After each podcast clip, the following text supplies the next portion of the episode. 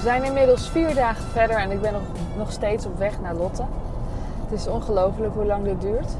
Maar nou ja, ik heb gewoon even een creatieve uitbarsting. En mocht je je afvragen hoe het kan dat ik vijf afleveringen per, nee, per week maak, dus elke werkdag een aflevering. Dat is niet omdat ik elke dag hetzelfde kan doen. Dat kan ik namelijk absoluut niet. Ik moet echt op mijn eigen creatieve flow uh, meebewegen. En dat betekent dat ik er soms gewoon enorm veel tegelijk maak. En heel soms pers ik er eentje uit. Heel soms. Maar dat is echt heel soms. Want ik zorg gewoon dat ik altijd een beetje vooruit loop. En uh, nou ja, dit is dus nummer 4 op een rij. En daarom rij ik nog steeds hier richting Leiden. Het is ongelooflijk hoe lang deze reis is. En ik hoop dat je nog steeds mij vergeeft voor het wegdek. Of nog steeds. Misschien is dit wel de eerste podcast ooit die je luistert van mij. Dat kan natuurlijk ook.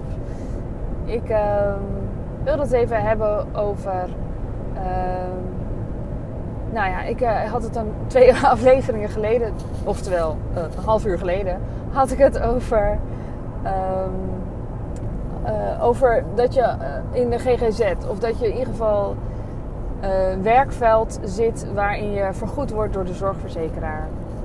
En ik spreek echt best wel veel mensen die, dat, die daar zitten.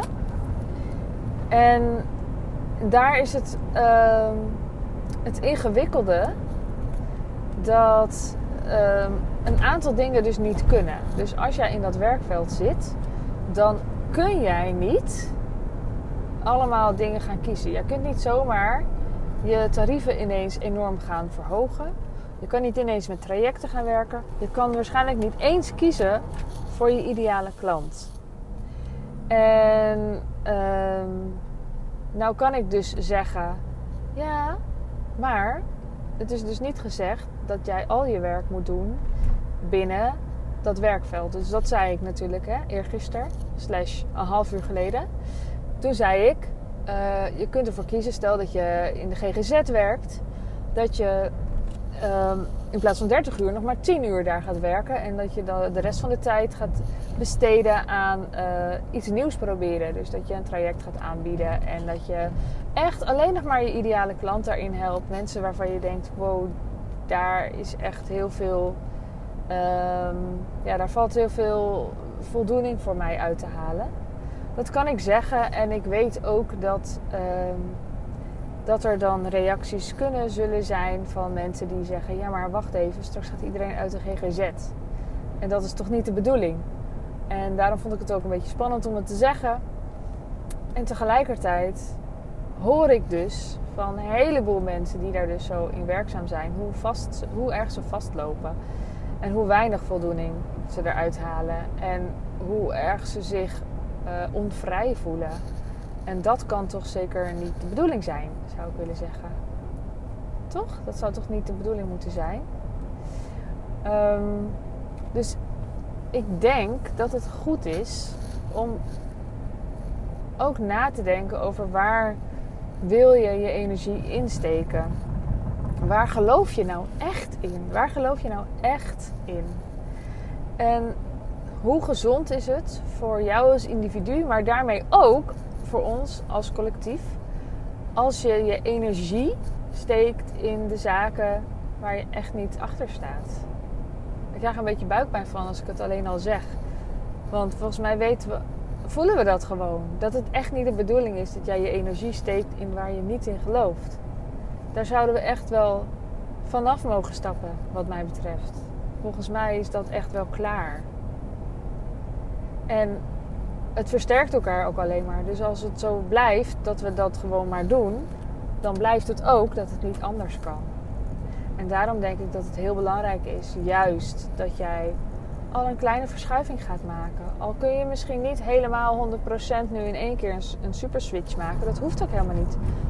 Je kan juist een kleine switch maken als je niet een enorm bedrijf gaat opbouwen, maar als je dus gaat werken met trajecten. Omdat het heel licht kan zijn. Je hoeft niet allemaal teamleden te hebben. Je hebt niet duizenden klanten te, nodig.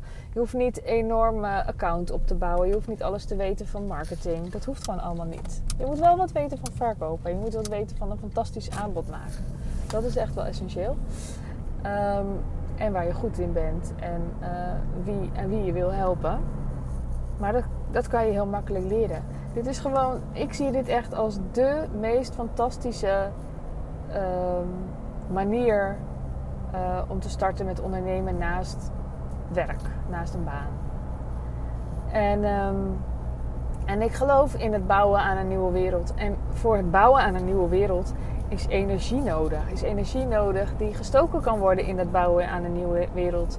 En dan, is er dus, dan hebben we er dus niks aan als een heleboel fantastische mensen met heel veel skills en kunde hun energie steken in de dingen waar ze niet in geloven.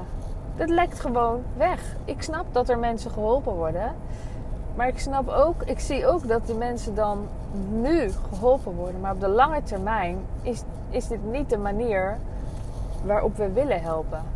In ieder geval, als jij een van die mensen bent die voelt van eh, ik geloof er eigenlijk niet meer zo in, ik wil eigenlijk anders werken.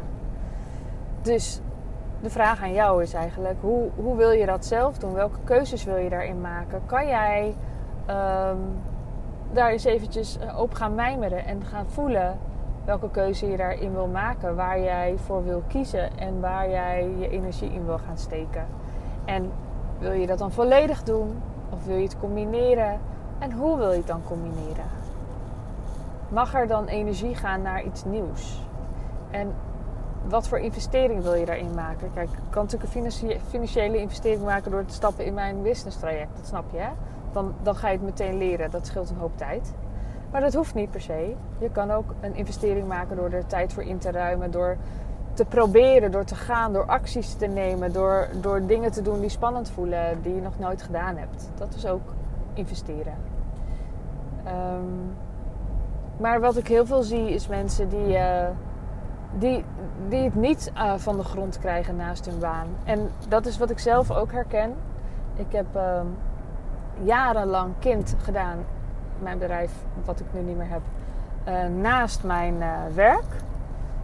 En daar ging hartstikke veel energie in zitten. En pas vanaf het moment dat ik mijn baan opzegde, werd het financieel, sloeg het ergens op. Ging, werd het pas een echte onderneming, zeg maar. Daarvoor was het gewoon ja, hobby. En um, het, was, het was niet normaal hoeveel energie er ineens vrij kwam toen ik alleen nog maar ging doen waar ik echt achter stond en waar ik echt volledig voor wilde gaan en waar mijn energie naartoe wilde. Dan is het niet hard werken.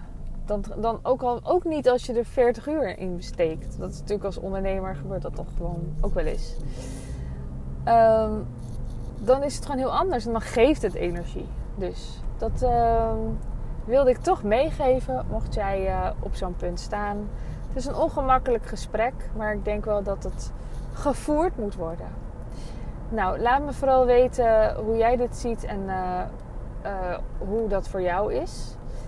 En mocht je meer willen weten over het business traject of slash business training, kijk dan op wildevrouwmagazine.nl slash business traject. En het lijkt mij fantastisch om je daarmee te helpen en echt gewoon te kunnen begeleiden naar uh, een nieuw leven. Dat is het eigenlijk. Een nieuwe manier van leven. Doordat je anders gaat werken en je energie en tijd in heel andere dingen gaat steken. Ik wens jou voor nu een hele fijne ochtend, middag, avond, nacht. En tot de volgende keer. Doei doei!